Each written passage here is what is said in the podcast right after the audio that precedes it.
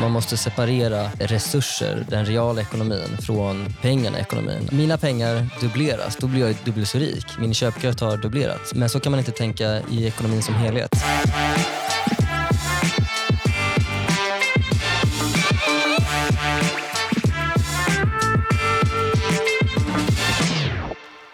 Du lyssnar på Ekonomerna med mig, John Norell och irriterad över en ofrivillig reallönesänkning här för att prata inflation med mig, Jakob Lundberg.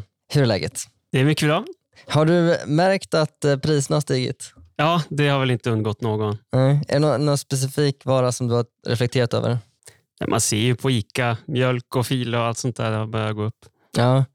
ja, jag fick för mig att jag skulle kolla på bio häromdagen. Jag fick liksom ett sug efter det och gick in och kollade. Och, eh, Top Gun, det kostar 170 spänn för att kolla på det. Ja, shit. Eh, nu kanske jag kollar på bio så pass sällan, men det känns som att det var inte så länge sedan det kostade 120 eller 130 spänn.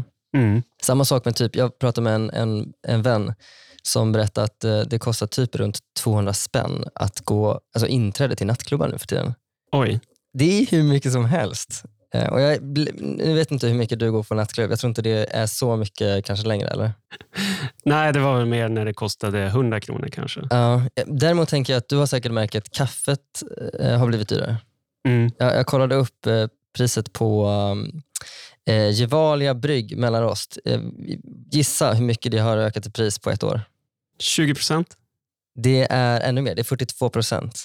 För ett år, kostade, ett år sedan kostade det 35 kronor, nu 50 spänn. Oj. Eh, jag kollade upp lite andra priser också. Fälgar, du har ju en bil. Eh, om du skulle behöva byta fälgar, behöver du det? Nej, inte just nu lyckligtvis. Ja, I alla fall, bra, för, bra i alla fall, för att eh, nu har de gått upp 16 procent. Trådlösa hörlurar från Marshall hade gått upp 50 procent. En klotgrill, kanske är relevant nu när det är sommar, eller vad tror du? Behöver du en klotgrill? Kanske. Ja. Det har faktiskt gått ner i pris med 22 procent. Så det är positivt. Eh, men eh, klättergrepp har gått upp 46 procent, lösa konferenser 18 procent. Eh, så att den generella bilden är ju nu att priserna ökar. Vi blir fattigare helt enkelt. Vi har bett er lyssnare att ställa frågor på Twitter och Instagram. Vad undrar ni om inflationen? Vad har ni för frågor? Och idag så ska vi försöka svara på dem. Hur känns det, Jakob? Det känns bra. Ja. Det är vårt första qa avsnitt Ja, ja det, är väl, det är väl bara att vi kör igång va? Det tycker jag. Ja, och den första frågan, jag tänker att vi börjar lite lätt. Ehm, från Josefin som frågar på Instagram, vad är inflation och hur påverkar det mig? Ja, det korta svaret är att inflation innebär att grejer blir dyrare. Generellt sett så stiger priserna i samhället. Precis. Nu i eh, juni så, i år, 2022, så släpptes nya siffror om att inflationen nu jämfört med ett år tillbaka är 8,5 procent. Det innebär att om du skulle samla ihop en korg med massor med varor och tjänster, eh, kanske lite Gevalia-kaffe, lite oregano, ett besök hos tandläkaren, en, en resa med Voi och sådär. Eh, då, om den korgen skulle kosta för ett år sedan 100 kronor så hade den nu i juni kostat 108,5 kronor istället. Ja, det är ju en rejäl ökning. Det är det verkligen. Så det innebär att eh, priserna är högre, dina pengar är värda mindre. Du har alltså fått en reallönesänkning helt enkelt. Mm.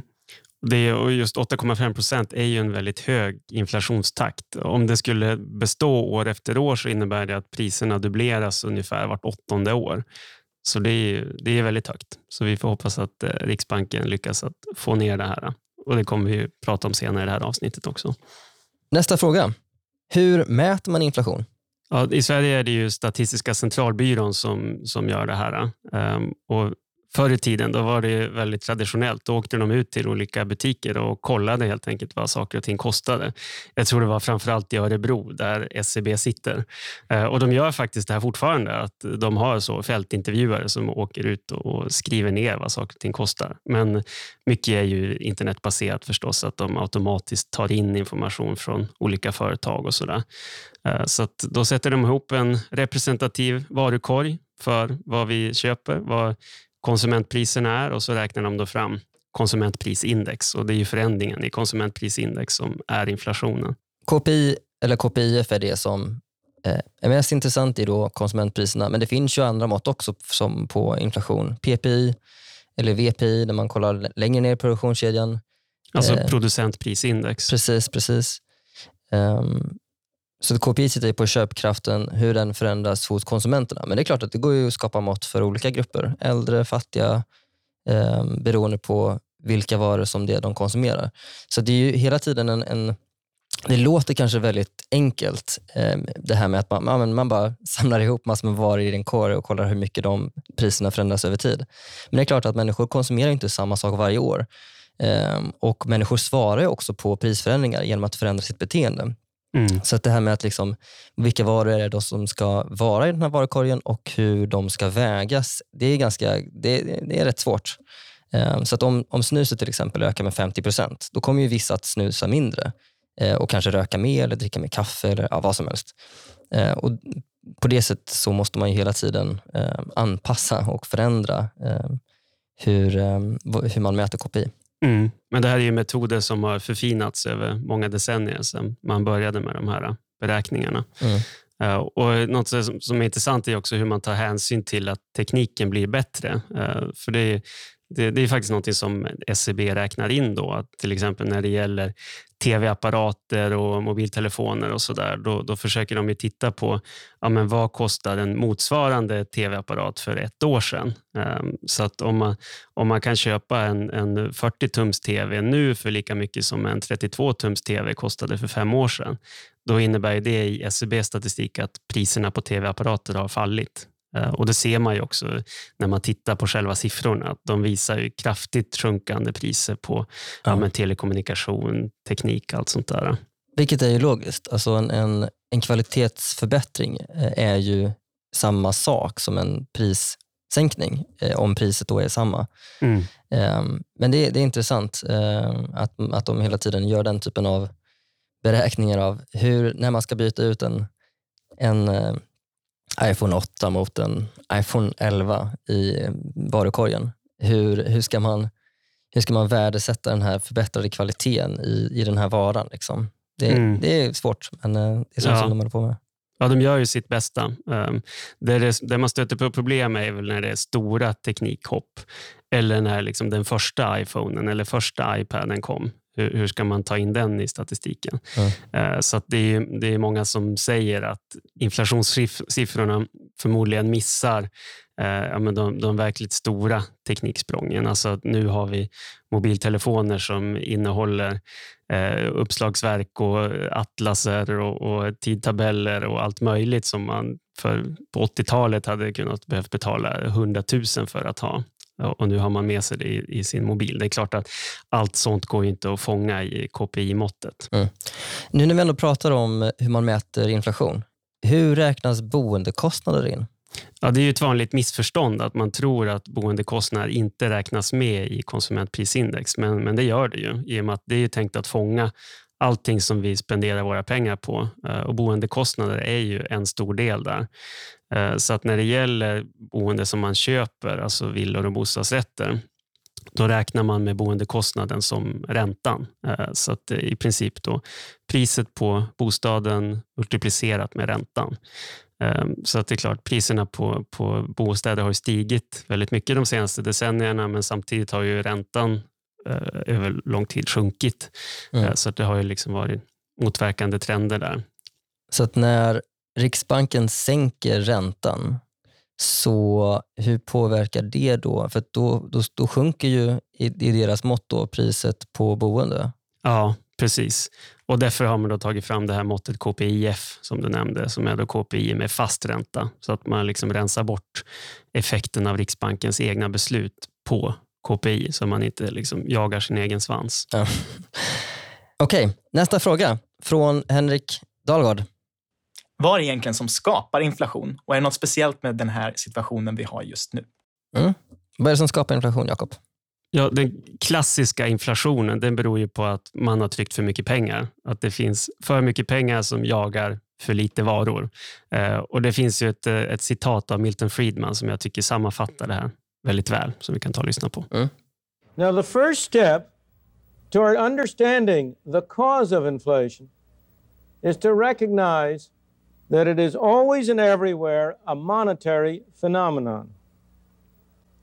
It's always and everywhere a result of too much money. Det är alltid ett resultat av för mycket pengar. Ja, sa Milton Friedman som är känd nationalekonom och ekonomipristagare till Nobels minne. Eh, och det, det stämmer ju som man säger, att det, det, det är liksom det, i de allra flesta fall så beror inflation på att eh, politikerna, staten har frestats att eh, trycka för mycket pengar. Um, och Det är klart att då, då kommer det i slutändan bara leda till att priserna och även lönerna stiger. Så det, det, blir ungefär som att ändra måttenhet i ekonomin. Uh, om man tänker sig att vi, vi dubblerar alla priser och vi dubblerar alla löner och så där, då kommer vi fortfarande kunna köpa lika mycket med vår lön. Uh, men det är ungefär som att vi har bytt från meter till fot eller något sånt där. Mm. Han pratar om monetary phenomenon. Alltså man, man måste separera resurser, den reala ekonomin, från pengarna i ekonomin. Alltså när vi pratar om, här, om, om, om mina pengar dubbleras, då blir jag dubbelt så, mycket, dubbelt, dubbelt så rik. Min köpkraft har dubblerats. Men, om, men så kan man inte tänka hur, i ekonomin som helhet. Mm. Eh, för att om, om pengarna i, i ekonomin dubbleras, eh, ja, resurserna har inte ökat. Så det blir bara att, att eh, vi har mer pengar som, som jagar samma varor det blir en missmatch helt enkelt och då måste priserna eh, stiga för att ta det i beaktande. Ja, men exakt. Um, och Det här har historiskt skett, uh, särskilt i samband med krig, när man har väldigt stora utgifter att finansiera från statens sida. Uh, då har man tagit till sedelpressen för att finansiera en del av det där uh, och då har man oftast fått hög inflation. Andra delen av frågan då, är det någonting speciellt just den här gången? Ja, det här är ju inte riktigt en sån klassisk inflation som Milton Friedman pratar om. Det beror ju inte riktigt på att staten har tryckt en massa pengar utan eh, den här gången är det ju importerad inflation till största delen. Alltså energipriserna har stigit, eh, matpriserna stiger efter eh, kriget i Ukraina. Vi har mycket brutna leveranskedjor som gör att eh, saker och ting blir dyrare av ganska naturliga skäl. Och det, mm. och det sipprar runt, liksom, ner i ekonomin överallt, vilket gör allting mycket dyrare. Ja, precis. Efter corona när allting ska starta igång igen så har det ju lett till flaskhalsar på sina håll.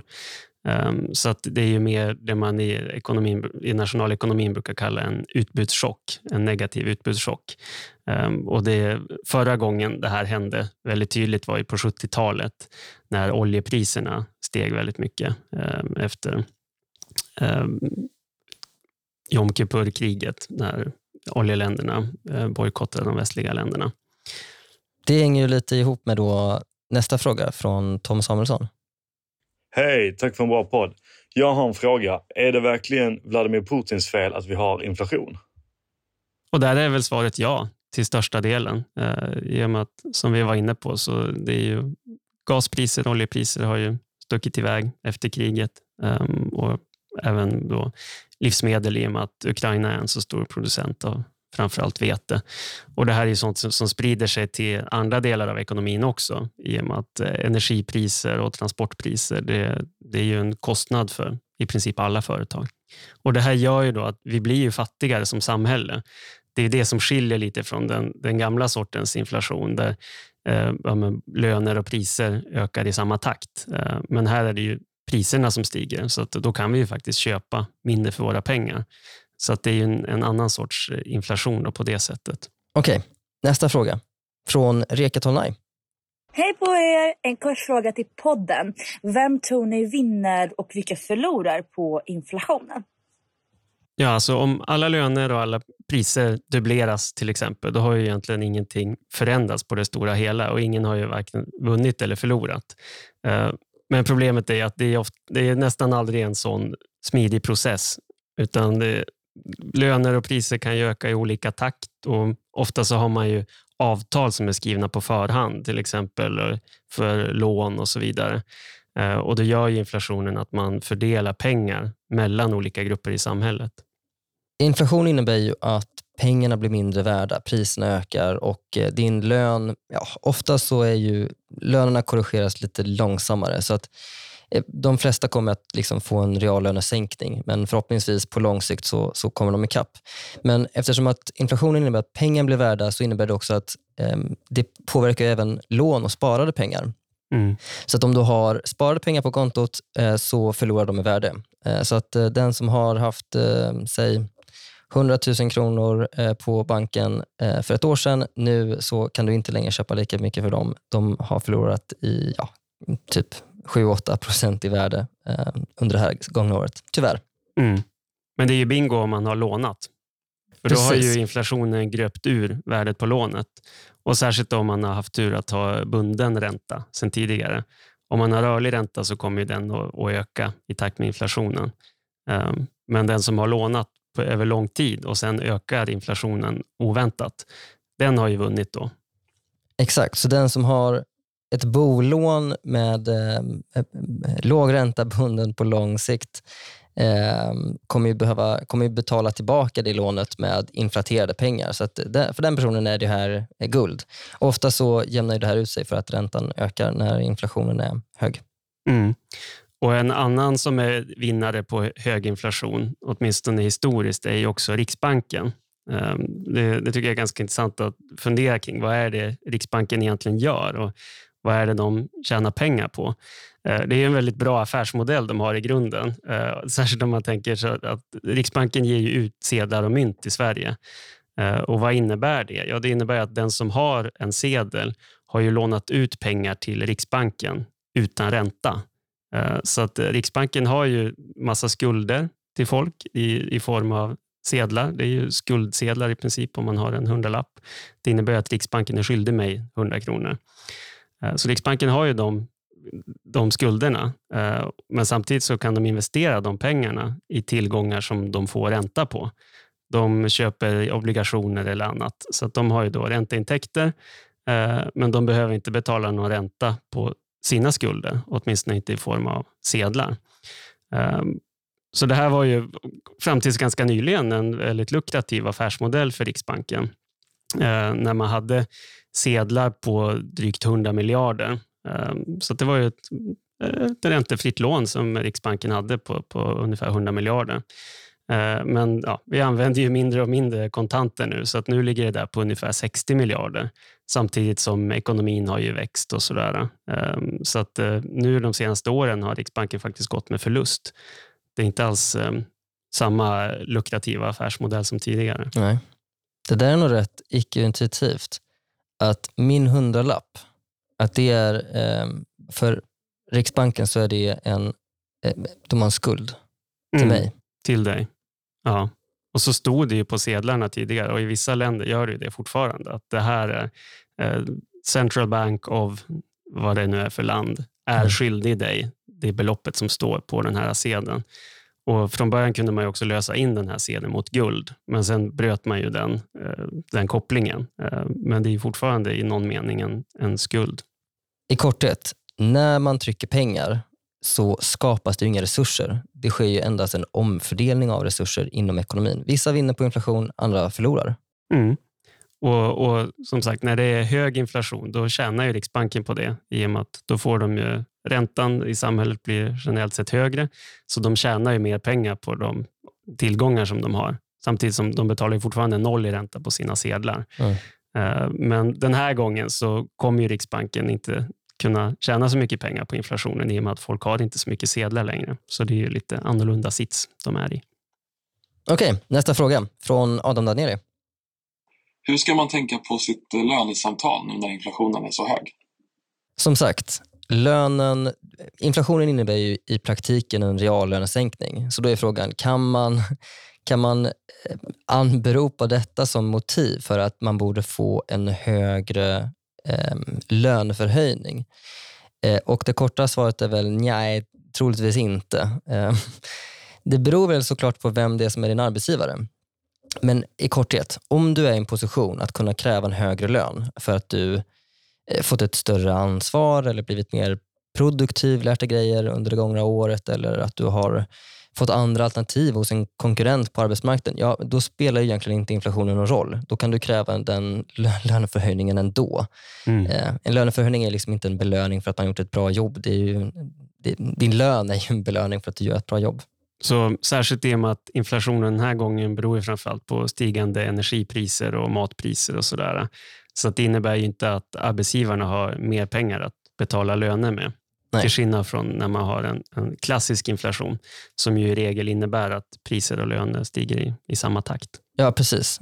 Man kan ju ta och försöka se situationen ur företagens perspektiv. De har inte fått någon, någon några, liksom, större marginaler och göra större vinster av detta. I alla fall inte de flesta. Vissa kanske ha- har tur. Eh, men de har fått högre priser på sina insatsvaror och tvingas helt enkelt höja sina priser för att inte göra förluster. Eh, de har inte möjlighet att, troligtvis inte möjlighet att eh, höja lönerna bara för det. Nej. Sverige har ju blivit fattigare helt enkelt. Ja, och det kan man liksom inte trolla bort. Man, man kan ju försöka flytta den här förlusten mellan olika grupper i samhället. Att försöka flytta över den här förlusten på arbetsgivarna eh, så att de får bära bördan för inflationen. Det är klart, det skulle man ju kunna tycka.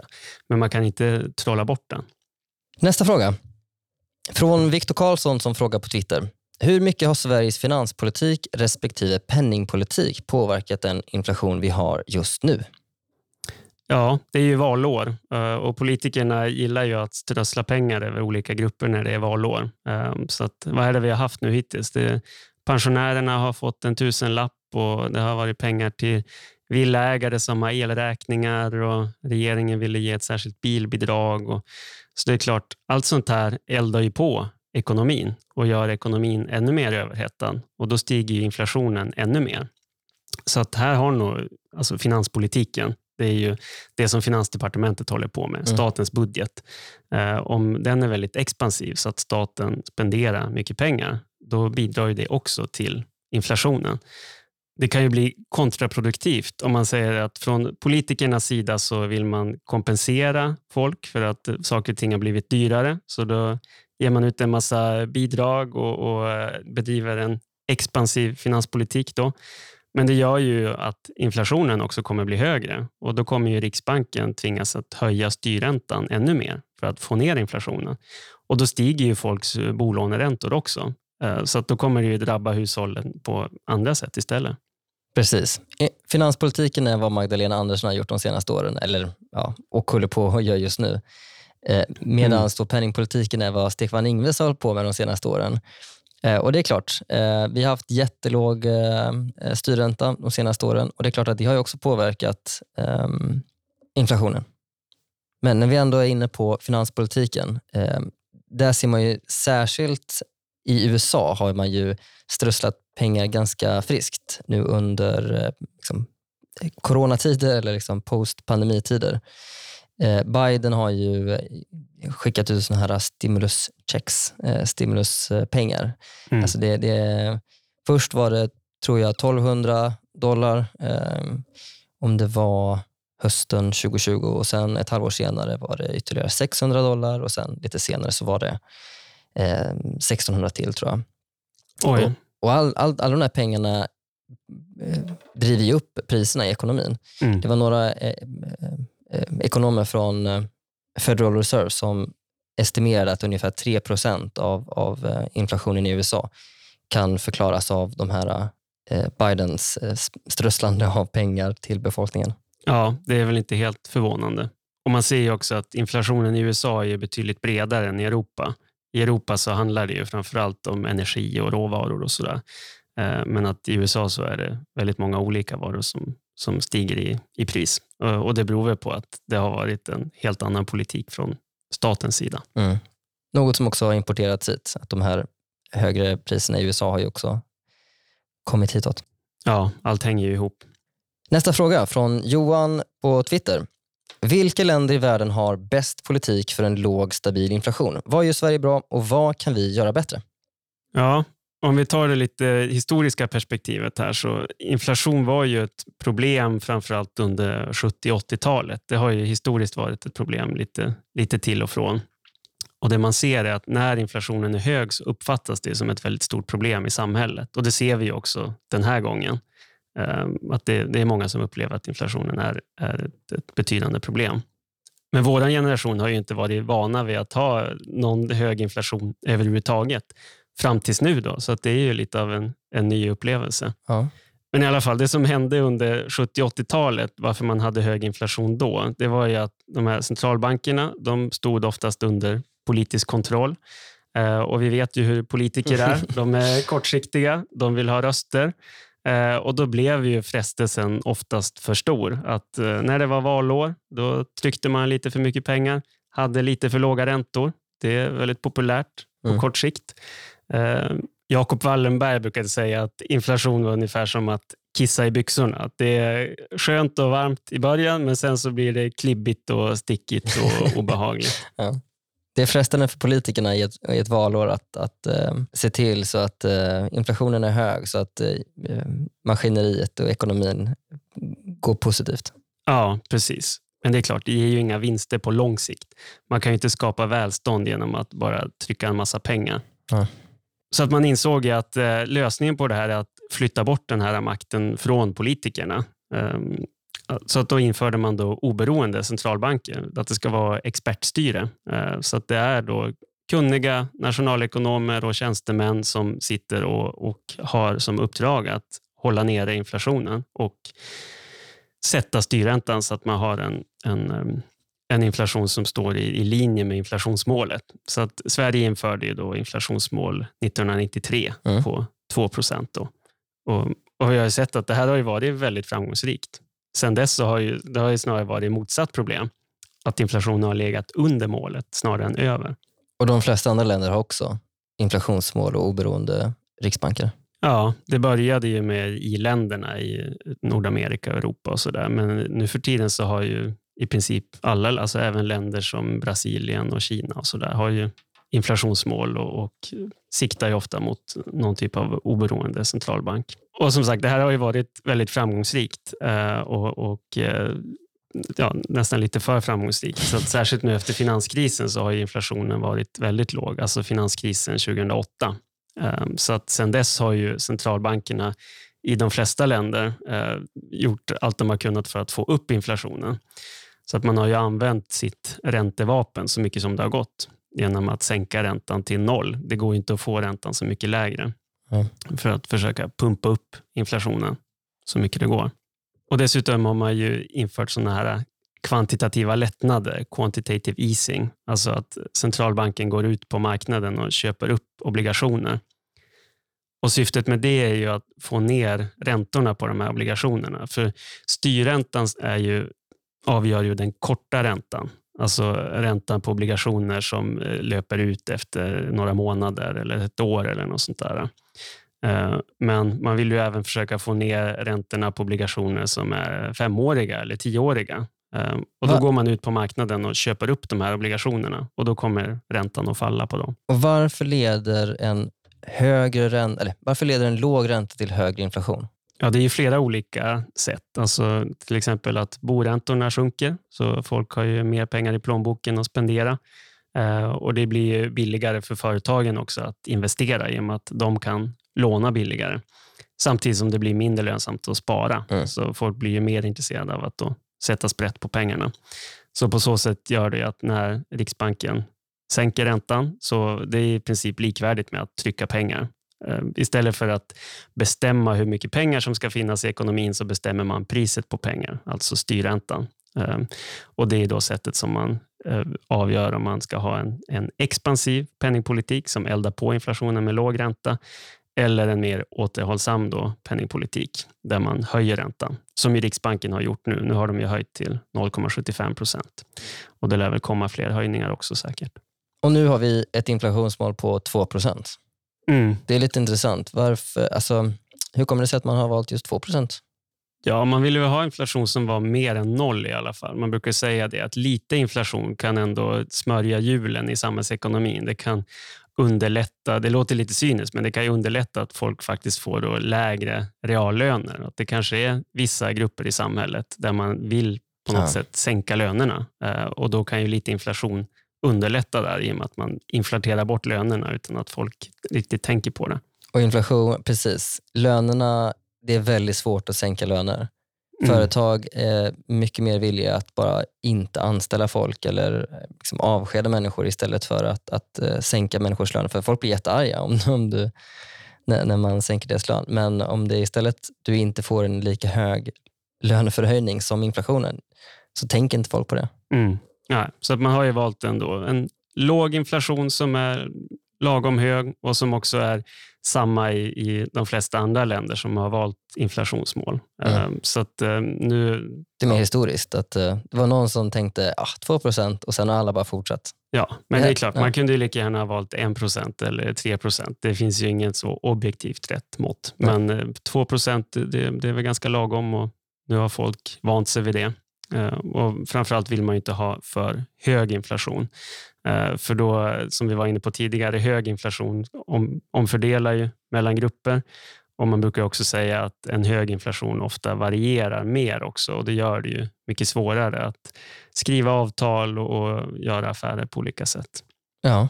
Folk kommer ägna mer tid och resurser åt att försöka bara rädda sina pengar från att eh, förstöras i inflationen än att faktiskt ägna sig åt produktiv verksamhet. Mm. Okej, nästa fråga. Drivs inflationen av företagens girighet? Det kan ju kännas intuitivt att stigande priser är företagens fel för att det är de som sätter priserna. Det Mm. upplevs ju ofta så när man är konsument i alla fall. Men företag kan ju inte sätta vilka priser de vill för att de kan ju inte tvinga några kunder att faktiskt köpa av dem. Företagen vill ju alltid tjäna pengar. Det är klart att de skulle vilja ha så, så mycket vinst som möjligt men konkurrens pressar ju ner priserna. Så att priserna i, samhället stiger handlar inte om att företagen liksom har gått ihop och blivit giriga nu plötsligt. De har ju, i alla fall inte mer än innan. Eh, De har ju alltid velat liksom maximera sina vinster även när inflationen har varit låg. Ja, det känns ju svårt att tänka sig att företagen har blivit jättemycket mer giriga nu jämfört med för ett år sedan. Eller att företagen blev mindre giriga efter finanskrisen när inflationen föll. Ja. Så det är liksom inte en rimlig förklaring. Nej, så att, eh, svaret är nej på den frågan. Och sista frågan. Kan man dämpa eller lösa inflationen genom prisregleringar? Ja, det är ju en del debattörer i USA som har lyft fram det här med priskontroller som en lösning på det. Eh, och det är klart, om man bara tittar på ekonomin utifrån lite så ingenjörsmässigt, priserna stiger, eh, då kanske man tänker att ja, men vi förbjuder företagen från att höja sina priser så att vi får kontroll på det här. Och Det har ju testats historiskt Ja. många gånger. Eh, Ett eh, känt exempel är den romerske kejsaren Diocletianus. eh, Som, ja, han hade, det var krig och stora offentliga utgifter och de um, producerade alldeles för mycket mynt så att det blev inflation. Och då För att lösa det så bestämde man då helt enkelt från kejsarens sida vad eh, en limpa bröd eller eh, en kanna olivolja eller vin eller så där, vad det skulle kosta. Eh, och det, det funkade ju inte såklart. Det blev massa svarthandel och man gick över till byteshandel och sådär. Så att prisregleringar är ju det är ju sällan någonting som är bra och det funkar inte heller för att få ner, få ner inflationen. Ett mer nutida exempel är ju på 70-talet. Eller nutida är det svårt att kanske säga, men i USA där man också hade jättehög inflation Eh, och bestämde, liksom, införde eh, massor med prisregleringar och eh, regleringar även av löner. Eh, det innebar ju jätteknasiga eh, mönster av både eh, överskott av vissa varor och eh, liksom brist på andra. Så att man insåg det efter bara ett par år att det här funkar inte så man tog bort dem. Mm. För det är klart att även när det är inflation så ökar ju priserna på olika varor i olika takt. Eh, att priserna spelar ju en väldigt viktig signal att visa var har det kostnaderna stigit, var är det brist, var är det överskott, var behövs det mer resurser. Eh, Så att eh, det är, ju, det är ju väldigt viktigt att den här prissignalen fortsätter att fungera Mm. även när det är inflation, kanske särskilt när det är inflation. Om man då bestämmer att priserna inte ska få ändras, då, då får man ju väldigt konstiga effekter. Tack till alla som har ställt frågor. Du har lyssnat på Ekonomerna, en podd från tankesmedjan Timbro med mig, John Norell och Jakob Lundberg. Följ oss på sociala medier. Där heter vi Ekonomerna podd på Twitter och på Instagram. Vi kommer ut varje torsdag. Tack så mycket för att du har lyssnat.